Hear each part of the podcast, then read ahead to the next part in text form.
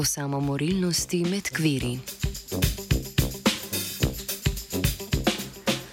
Za današnji maurični izbritov smo prebrali študijo škotske raziskovalne skupine o povezavah med samomorilnostjo mladih LGBTQ plus oseb in izpostavljenostjo okoljem sovražnim kvir osebam. Želela je raziskati povezavo med samomorilnostjo in načini subjektivacije v tovrstnih okoljih. Svoje izsledke je skupina objavila v reviji Social Science and Medicine.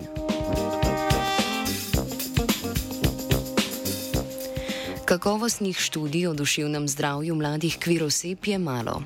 Škotska raziskovalna ekipa je zasnovala kvalitativno intervjujsko raziskavo, v kateri je želela ovrednotiti stvarne življenjske dejavnike, ki so oblikovali identitetno pot 24 oseb, starih od 16 do 24 let, ki so se samo identificirale kot LGBTQ plus osebe.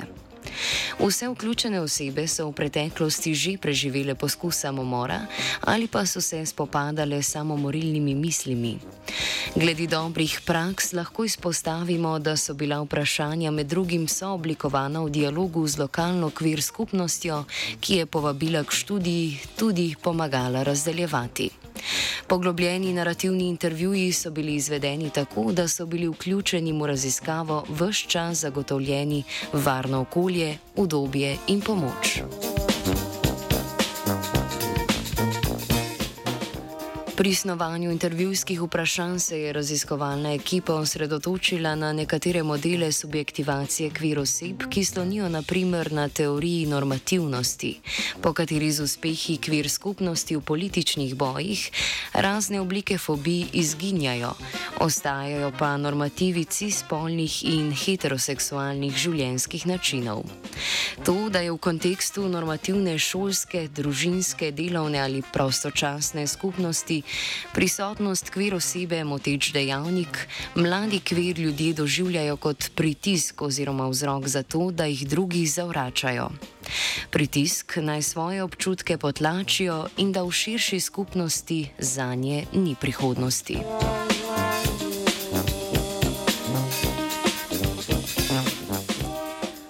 Intervjuvane osebe so podale podrobne opise dinamike odnosov v družini in sovrstniki, sprememb med procesom avtiranja, med iskanjem zaposlitve glede nedoseganja neoliberalnih delovnih standardov.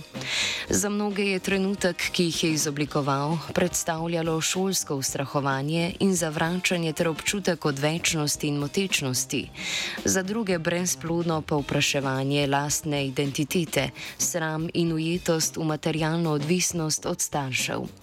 Samo poškodovanje kot odziv na zunanje socializacijske dražljaje je bilo za mnoge intervjujane način preusmirjanja disociativnih epizod, pri drugih iskanje možnosti, da je nekomu zunanjemu mar.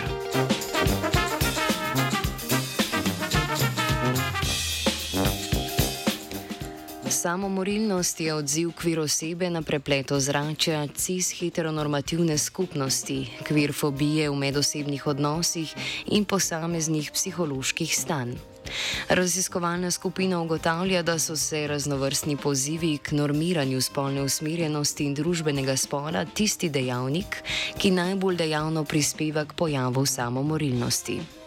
Normiranje bi zahtevalo dejansko spremembo identitete kot načina izražanja, s čimer povezujejo pojav razosebljanja.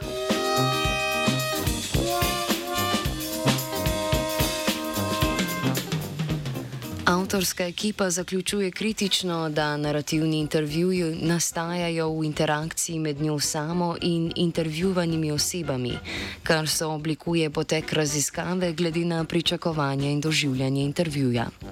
Kljub temu ugotavljajo, da so se samomorilne misli pri mladih pojavile že pred 14 letom, zato predlagajo nadaljne pogovore s še mlajšimi kvir osebami, da bomo lahko bolje razumeli zgodnje socializacije civilizacijske prakse in kako vplivajo na duševni ustroj in razvoj.